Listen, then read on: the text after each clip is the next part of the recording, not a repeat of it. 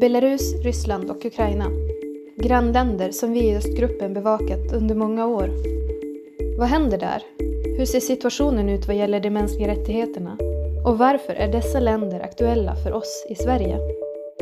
I Östpodden samtalar Östgruppens Tobias Ljungvall med svenska experter och gäster från öst. Och med mig på videolänk ifrån Riga har jag Sveriges före detta ambassadör i Belarus, Stefan Eriksson. Välkommen Stefan. Tack så mycket. Jag tror att många känner till dig. Har man inte eh, egna minnen av dig så har man säkert hört talas om det någon gång ibland om man, om man är intresserad av Belarus. Du, eh, du blev utvisad, eller ja, kan man säga, i slutet av din ambassadörsperiod 2012. Ja, formellt så, så blev min akkreditering inte förlängd. Jag blev inte så att säga förklarad persona non grata utan jag fick ett besked i ja, någorlunda god tid att eh, akkrediteringen då som ambassadör inte skulle förlängas och, och konsekvensen av det blev ju att jag tvingades lämna, ja. Och det var 2012 om jag minns rätt? Det var i augusti eh, 2012 helt riktigt, ja. Och hur länge hade du varit i Minsk då? Jag kom till Minsk 2005, eh, arbetade tre år som chef för det avdelningskontor som då fanns i Minsk och som låg under ambassaden i Moskva. Och sen 2008 så eh, blev kontoret ambassad och ja, jag då blev ambassadör. Så att jag var där totalt i sju år. Ja, ganska länge. Jag minns eh, att jag träffade dig första gången innan du åkte till Minsk Eh, vi sågs på en fika i eh, Kungsträdgården på sensommaren har jag för mig att det kan ha varit lite småkallt. 2005 måste det ha varit. Och eh, du träffade väl mig för att jag hade skrivit en bok om Belarus antar jag. Och att jag kanske hade antingen lite egna tankar om situationen där eller att du ville testa dina egna tankar på mig.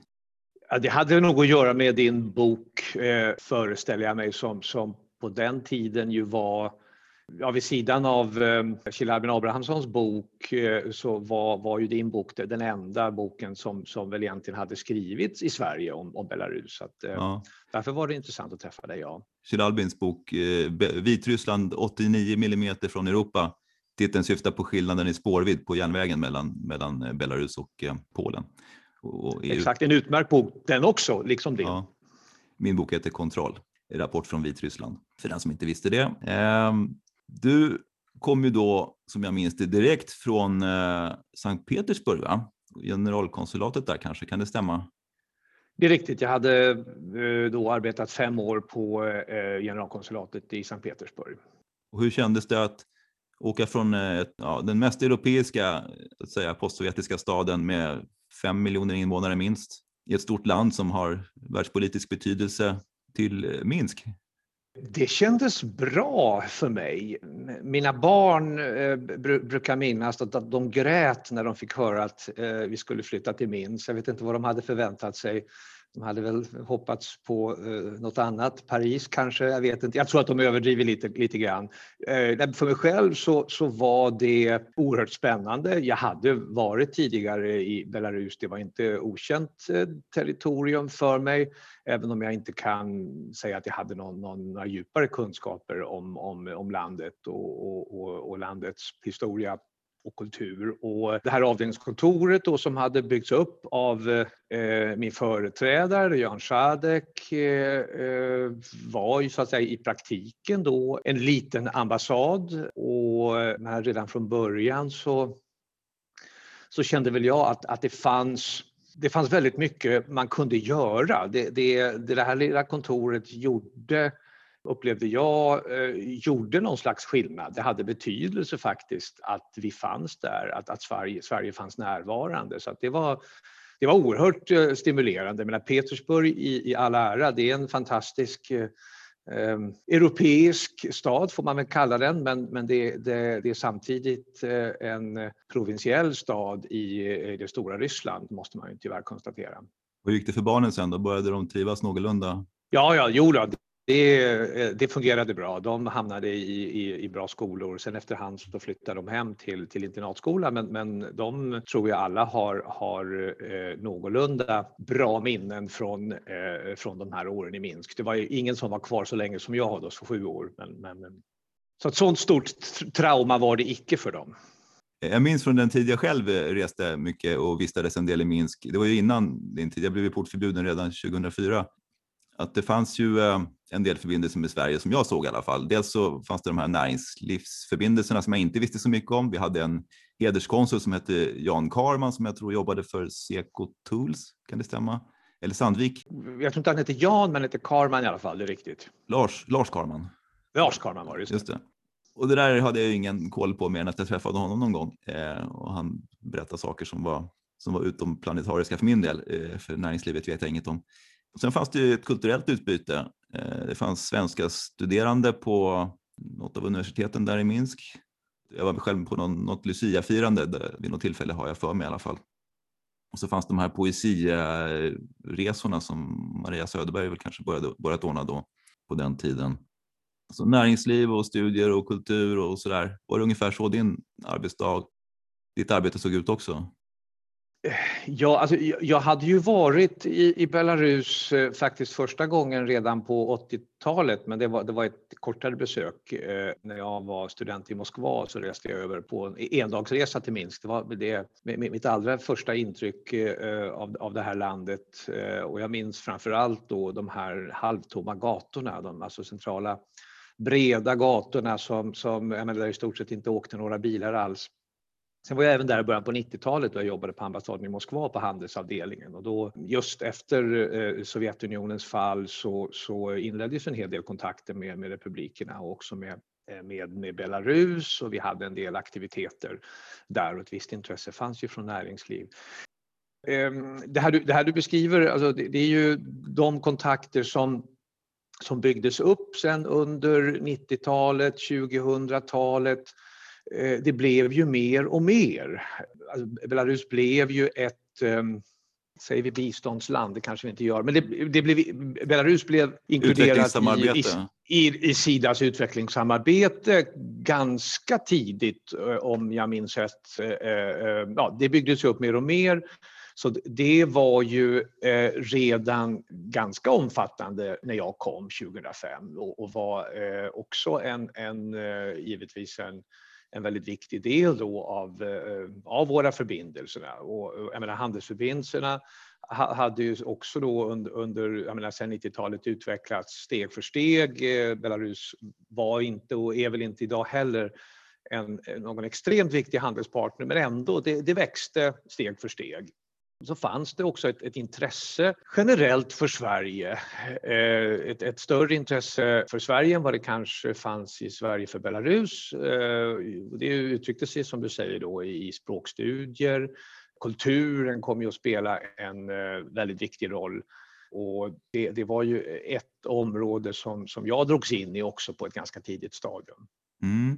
Eh, du var med på de här Pinsk-arrangemangen eh, bland annat? Ja, absolut. absolut. Eh, litteraturdagarna, poesidagarna då, som, som, som anordnades årligen av eldsjälen Maria Söderberg då, som, som vi, vi bägge känner som eh, menar, innebar då att, att svenska författare kom till Belarus, eh, träffade belarusiska författare, hade gemensamma uppläsningar i Minsk men även i Pinsk då som, som eh, traditionellt då var, var också med på programmet.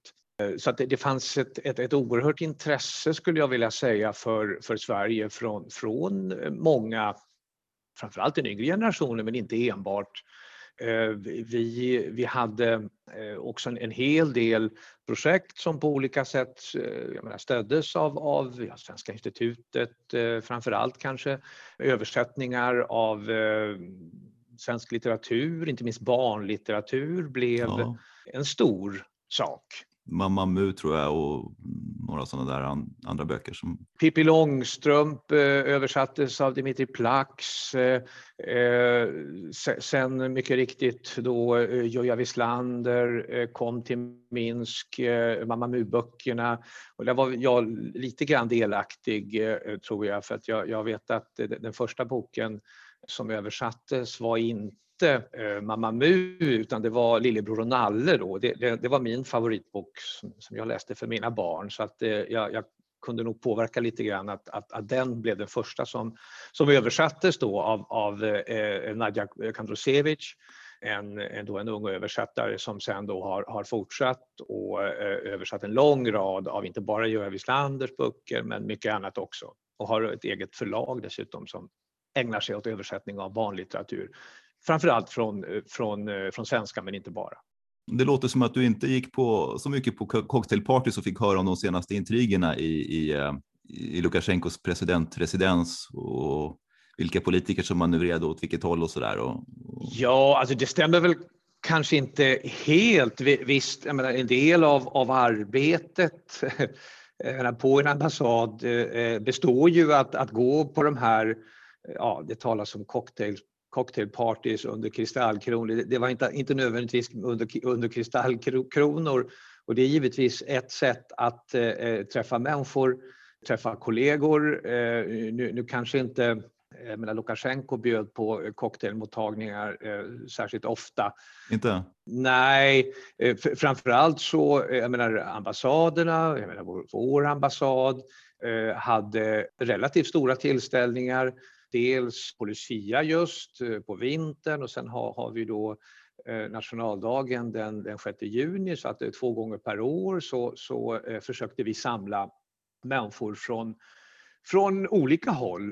Det, det samlades på de här tillställningarna både då officiella företrädare, jag menar in, inte på högsta nivå, de, eh, menar Lukasjenko och, och, hans ministrar gick sällan på sådana här tillställningar, men väldigt många högre tjänstemän från, från belarusiska UD som gärna där hos oss och hos andra för den delen också träffades med representanter för civilsamhälle och, och, och andra. Så det var oftast mycket god stämning på de där tillställningarna. Lukasjenko hade ju haft en konflikt med den västerländska, tror jag i alla fall, diplomatkåren i slutet på 90-talet i samband med att han byggde sitt residens i, Drosty, tror jag. Var det någonting som fortfarande präglade stämningen i diplomatkåren? Det där var ju 1996 då han skulle ut, utöka sitt eh, eh residens där i Dresdy som eh, då det heter. När jag kom så det låg väl tillbaka i historien men det, det, det som hände då var ju, eh, kan man säga, början då på de försämrade relationerna med eh, Lukasjenko och omvärlden. Det handlar inte bara om att några ambassader då eh, tvingades flytta sina residens. Det var ju mycket annat sen också som, som hände då 1996 och, och, och längre fram, slutet av 90-talet. Eh, Diktaturens etablerande kan man väl säga i korthet? Ja, jag menar de här, det här referendumet han, han ordnade och politikerförsvinnande, det var ju det väsentliga. Residenten, det var, det var ett irritationsmoment sannolikt för, för de diplomater som då befann sig där. Det, det var naturligtvis förkastligt och, och göra mm. det på det sättet han gjorde. Men, men det, det, var inte något som, som eh, det, det, var inte något huvudproblem som jag upplevde det på min tid. Men man hämtar sig egentligen aldrig riktigt från, den här, från de här försämrade relationerna. Det var ett ganska, ganska kyligt läge då jämfört med andra, till exempel i Ryssland kanske det, man ändå har en lite mer öppnare utbyte med, med makthavarna. Ja, alltså, samtidigt vill jag inte säga att, att det, det, vi hade ju inte dåliga re, relationer på plats då med, med myndigheterna och myndighetsföreträdare. Det, det är klart, vi, vi hade liksom inga utbyten på, eh, på hög nivå inga eh, ministerbesök eh, annat än i, i, i undantagsfall det, det förekom inte, men, men i, i, det dagliga arbetet så, så, eh, så vill jag nog säga så, så hade vi ganska normala kontakter med, med alla företrädare för det belarusiska samhället. Då, från då, ja, ministerier och, och, och eh, akademiska institutioner och civilsamhälle och, och företrädare då för den ja, så kallade oppositionen.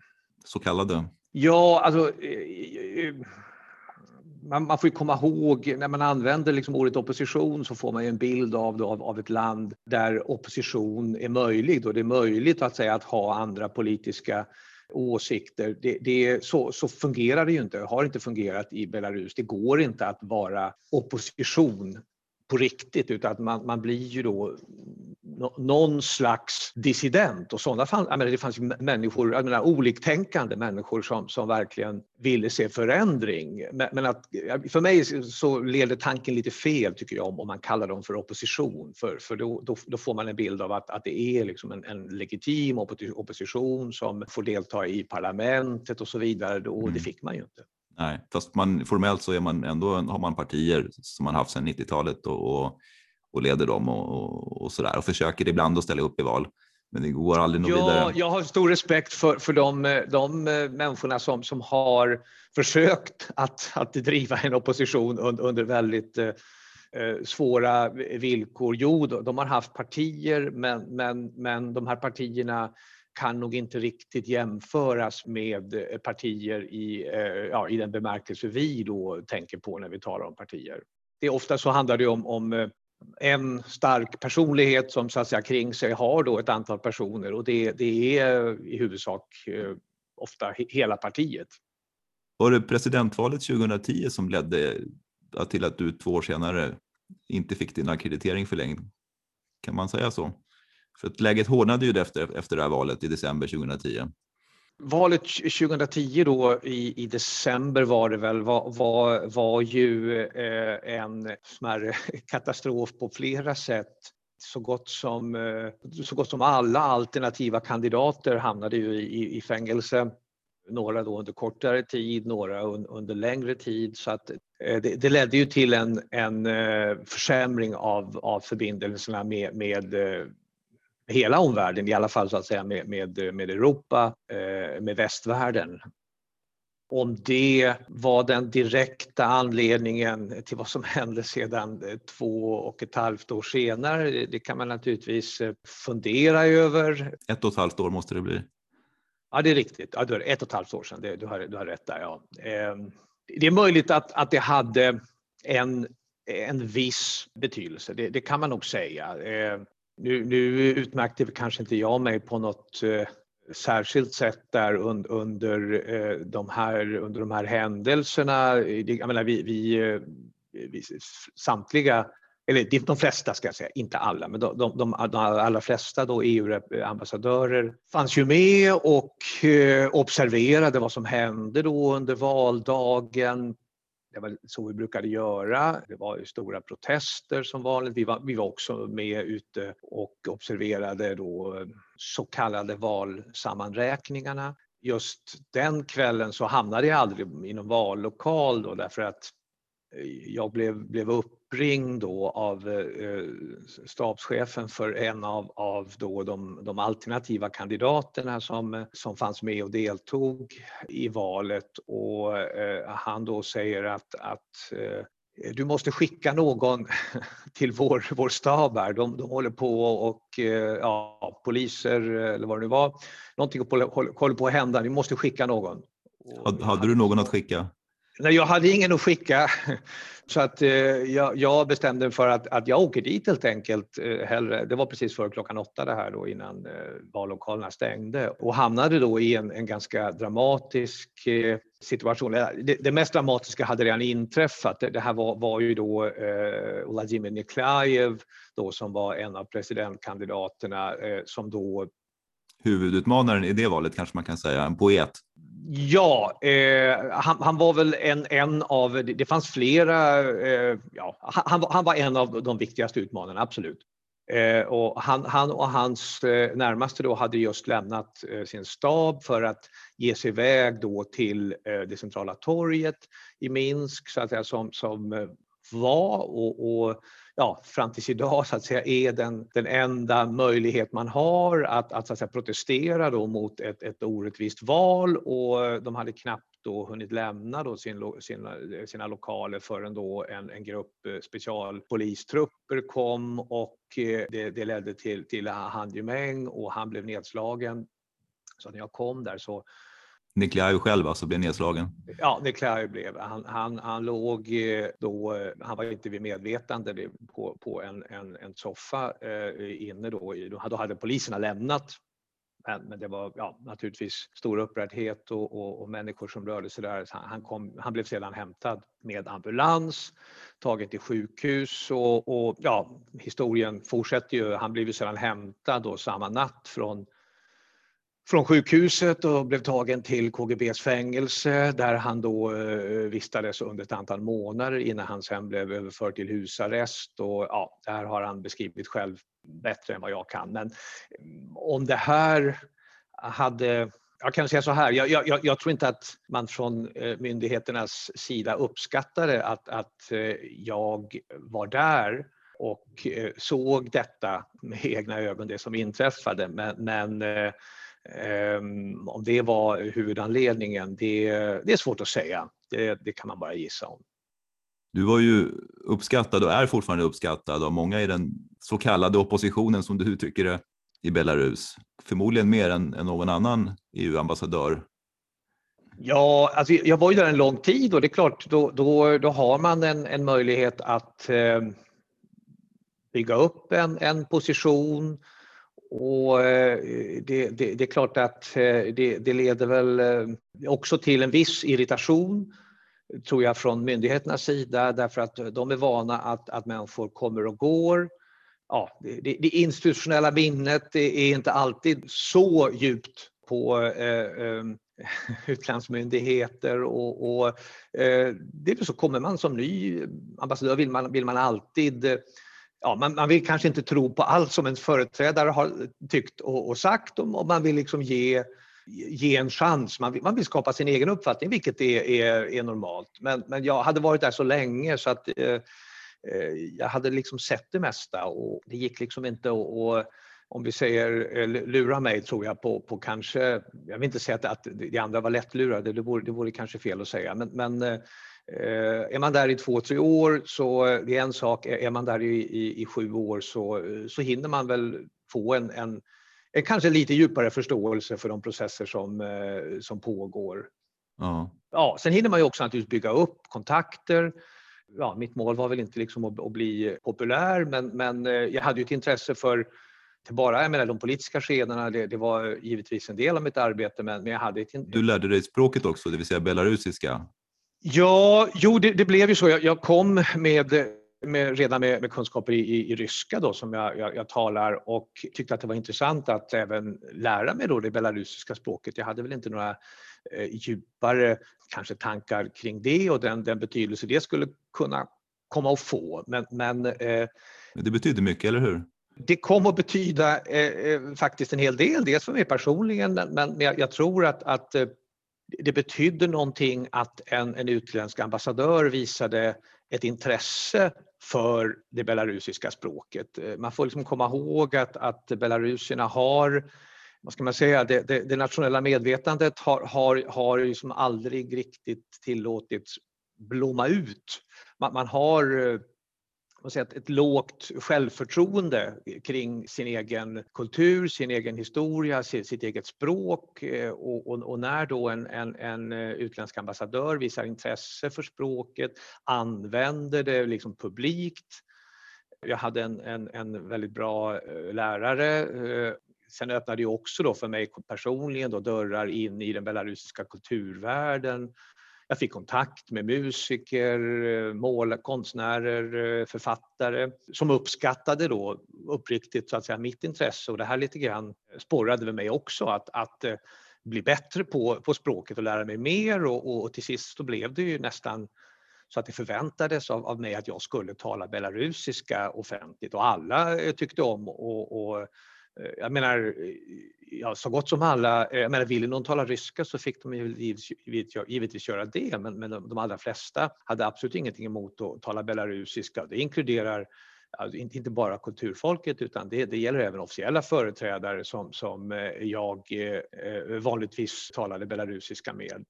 För belarusiskan har ju blivit lite grann av oppositionens språk men, men det är inte bara så utan det finns en levande belarusiska även så att säga Ja, att, att, det, eh, att, att det under en period då blev oppositionens språk, det, det är ju liksom resultatet då av, av eh, Lukasjenkos eh, politik. Ja, det, det, var ju så att, att eh, under 90-talet då under den ja, maktkamp som, som då pågick i, i mitten av, av 90-talet som Lukasjenko då till sist vann så, så var det ju hans motståndare, inte alla men, men väldigt många var belarusisktalande så att språket blev ju en fiende i hans ögon.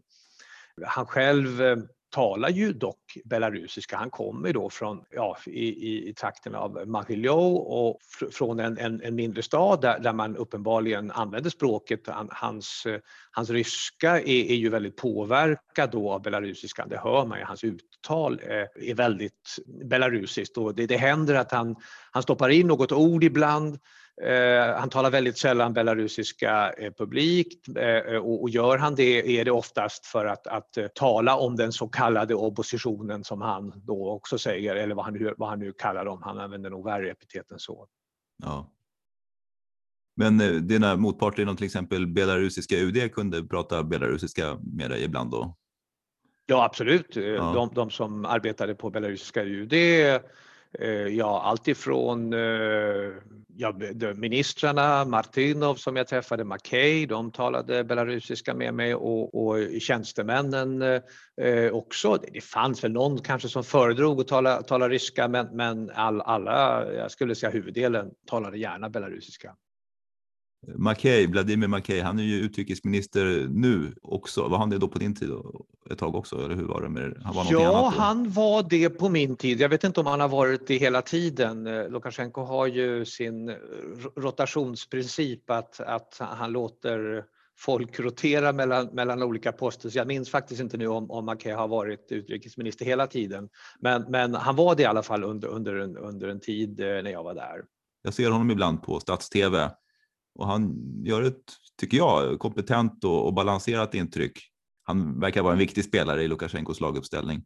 Ja, han är den, en, en av de som har, har varit med längst. Eh, jag, jag, måste, jag, jag, träffade honom inte så många gånger, men vi hade ett möte då, då vi, vi talade belarusiska. Det minns jag mycket tydligt. Han, han kommer ju själv från, från eh, Grodno-regionen i västra Belarus eh, som ja, nu är inte de alltså regionala skillnaderna är inte så stora i, i, i Belarus som till exempel i Ukraina, men, men, ändå i västra Belarus så hittar man fler belarusisktalande så, så att eh, han, han hade säkert med sig språket eh, eh från, eh, från sin hemby. Jag minns att eh, en, en belarusisk tidning där var, var, och gjorde ett undersökande reportage då och, och träffade gamla släktingar och, och, grannar där i hans hemby. Jag tror inte han riktigt uppskattade det där var det avsett att svärta ner honom då eller vad, vad var tanken med reportaget? Ja, det, det, var, det vill jag nog inte säga utan det, det var bara samtal då med, med, med eh, gamla släktingar och grannar och eh, jag tror inte att det sades något, något illa om honom då. Mm. Nej, alltså jag, jag, kan inte säga så mycket mer. Jag vet ju att han, han har ju en, en, en bakgrund som, som är menar, han har eh, för det första tror jag tillbringat några år i Moskva, eh, studerat där, har om jag inte minns fel en, en bakgrund från, från eh, någon av tjänsterna. Om det alltså. är säkerhetstjänsten eller vilken det är eller vad han, han uh, ger ett, ett, professionellt intryck som, som, uh, som diplomat och utrikesminister men har väl inte alltid haft det enkelt att försöka förklara och försvara den, den belarusiska linjen. Nej, eh, jag såg honom i en talkshow nyligen. Han och hans fru var med där. Frun är känd skådespelerska och jag tror hon är någon slags arbetsledare på någon stor teater också, minns inte vilken. Hon arbetade på Kopala, eh, hon var skådespelare på, på Kopala-teatern. Till och med eh, där? ja. Eh, jag tror det var där, ja. Det har ju hänt en del med den teatern eh, under senaste tiden. Ja, för i den här talkshowen så grälade hon bland annat på Latorska, då, han som var chef på den här Cupola-teatern, men som avgick eh, under buller och bång då, precis efter valet i augusti förra året. Ja, just det. Latorska, han var ju kulturminister under en period också, eh, så jag träffade honom eh, då en hel del och, och han, han tvingades, han fattade ett beslut här i augusti förra året om att Eh, Eh, under då eh, protesterna att, att eh, han, han höll något litet tal där tror jag utanför teatern och, och fick med sig huvuddelen av, av truppen, skådespelarna. Så att den där teatern idag tror jag inte upplever inte sina bästa dagar. Han själv finns i, i Warszawa huvudsakligen och, och är en av de ja, mer framträdande, får man säga då, rösterna nu i, i den nya oppositionen. Ja, i den nya oppositionen, belarusiska diasporan. Var han en av de som pratade belarusiska när ni träffades? Ja, just det. Han, eh, han, eh, han var eh, alltså belarusisktalande, tror jag, mer på daglig basis. Det kanske inte alla var som, som jag träffade, men, men han, han att säga, använde belarusiskan, belarusiskan konsekvent. Han, eh, han hade varit eh, ambassadör i, i Polen och där hade de tydligen haft någon liten klubb då med ambassadörer som talade polska. Så att när han kom tillbaka till Minsk och blev kulturminister så, så uppmanade han då oss ambassadörer att bilda en klubb också för belarusisktalande ambassadörer i Minsk. Nu det var det kanske inte så många.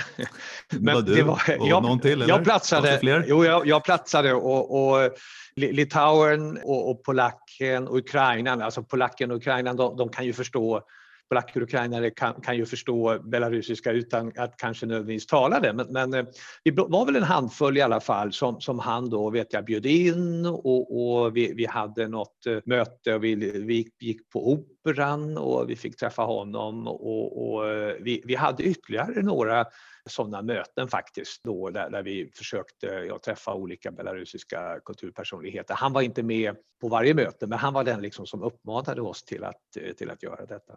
Ja, visade han några oppositionella tendenser på den tiden? Ja, jag, om vi säger så här, jag, jag, jag, jag tror att det var, det var, det var uppenbart att, att han inte höll med om allt som var den officiella linjen. Det, det, han kanske inte uttalade men, det, det, var, det var uppenbart av, av hans sätt att vara. Man, man, man, kan också läsa mellan raderna att han inte uppskattade allt som, som pågick. Men eh, han, eh, han sa ju detta inte i så fall eh, publik på något sätt på den tiden. Han, han använde belarusiskan, bara det var i någon mån också utmanande med tanke då på de reaktioner som, som Lukasjenko då visade gentemot språket. Nu, nu har ju det där, det där med tiden då förändrats. Jag, jag, jag tror att, att eh, eh ja, det har inte försvunnit helt och hållet. Jag, jag tror att man, man, har från myndigheternas sida kanske något mer avslappnad attityd gentemot det belarusiska språket. Det är fortfarande så att, att det är något av motståndets språk, så, så är det ju. Men, men, men, eh, man vill inte att det ska vara så helst. Man vill kanske ta tillbaka det lite grann och avdramatisera det. Ja, man, man, man, vill inte liksom blanda samman språket med det politiska motståndet. Det, det finns ju många också rysktalande belarusier som, som har, har varit ute på gatorna och protesterat eh, under hösten och, och vintern. Språket har, har, inte varit en stor fråga längre skulle jag vilja säga. Mm. Så har jag uppfattat i alla fall. Ja, på, på, på, min tid, om man får kalla det så, i början av 00-talet, då stängdes eh, någon belarusisk språkig gymnasieskola eh, eller motsvarande i Minsk. Så. Ett lyceum, ja precis. Eh, Belaruski Litsej heter det, ja, jag vet. Någon som heter Vladimir Kolas har jag för mig som, som drev det där. Stämmer. Och det Stämmer. betraktades som ett stort slag mot Belarusiskans framtid i, i Belarus. Men den kanske har en framtid ändå. Eh, den kanske har institutionaliserats och normaliserats och, och lever vidare.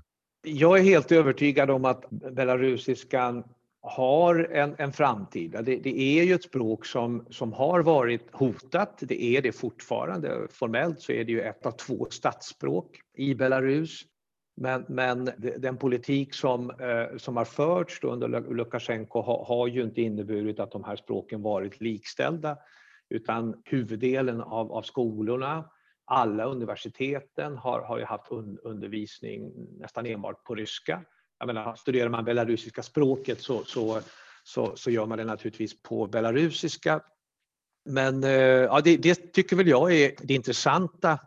Det är oerhört spännande då som, som har hänt eh, under det sista halvåret att, att det har skett något slags nationellt återuppvaknande. Liksom att den, den, den oförlösta eh, belarusiska nationen har till sist väldigt sent, senare än de flesta andra europeiska då folk har, liksom vaknat och formats under, under väldigt kort tid och processen pågår naturligtvis fortfarande men jag, jag, jag tror att det...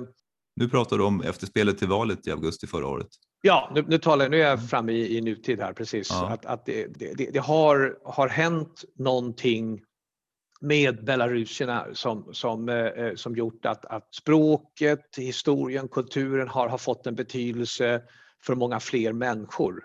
Det har liksom blivit en slags enande plattform som eh, eh jag, jag, tror det kommer att bli svårt för, för eh, Lukasjenko och, och, och regimen att, att stå emot i längden. Man har ju gått emot offensiv genom att utmåla den vitrödvita flaggan som nazistisk? Man har försökt det, ja. Eh, jag, jag tror inte att eh, man kommer att lyckas. Man har inte den trovärdigheten Jag, jag, jag, tror inte att det, det kommer att eh, gå hem. Jag vet att det här är ju retorik som, som upprepas även i, i, i Ryssland eh, men, men eh, i, i Belarus så tror jag inte att den generation som och det, det, är ändå ganska många människor som, som på något sätt har, har engagerat sig här under, under det senaste halvåret. För, för, för den så, så betyder faktiskt det handlar inte bara om flaggan men det handlar liksom också om, om, om historien, eh, eh Belarus historia. Det handlar lite grann om språket. Eh, det, det betyder så pass mycket att eh, jag är övertygad om att den dag kommer då, då flaggan, språket får den ställning som, som det förtjänar. Och det blir efter Lukasjenkos pensionering? Det, det eh, betvivlar väl jag att, att det kommer att ske, att, att han självmant kommer att pensionera sig. Eh, jag, jag tror att han kommer att, han har väl själv någon gång uttryckt att han kommer att stå och, och slåss in i det sista med, med en granatkastare för, för att eh, behålla sin makt någon, någon frivillig eh, pensionering har, har, jag svårt att se framför mig. Han har väl här nu i dagarna presenterat något nytt förslag till ändring av konstitutionen i, i händelse av, hans, av sin bortgång eller, eller hur det uttrycks. Eh, jag vet inte, det är lite oväntat varifrån detta kommer och vad, vad syftet är med det. Ehm, Oavsett hur, no, någon gång kommer han att lämna, någon gång så, så måste alla eh, kliva åt sidan av, av någon anledning det, det, är klart att det skulle underlätta då för, för den typen av, av förändringar vad, vad gäller språket och språkets ställning. Eh, det är möjligt att det inte, inte står först på agendan den dagen eh, men förr eller senare så, eh, eh, så jag är jag övertygad om att så kommer det att inträffa. Skulle du kunna tänka dig att bli ambassadör i Belarus igen då? Man blir inte eh, ambassadör två gånger i samma land. Det tror jag aldrig har inträffat. Men eh, ja, jag eh, åker naturligtvis gärna tillbaka. Jag har faktiskt varit tillbaka i Belarus och jag är inte ovälkommen i, i landet. Jag bor i Lettland nu så att, och Lettland har ju faktiskt gräns med, med Belarus. Så att, i dessa coronatider är resandet inte helt enkelt men, men jag har varit tillbaka i Belarus ett par, tre gånger faktiskt de senaste åren här, härifrån Lettland. Stefan Eriksson, tack så mycket för att du var med i Östpodden. Tack själv Tobias. Tack för att du har lyssnat på Östpodden. Om du vill veta mer om mänskliga rättigheter i Östeuropa, besök gärna Östgruppens hemsida och följ oss på sociala medier.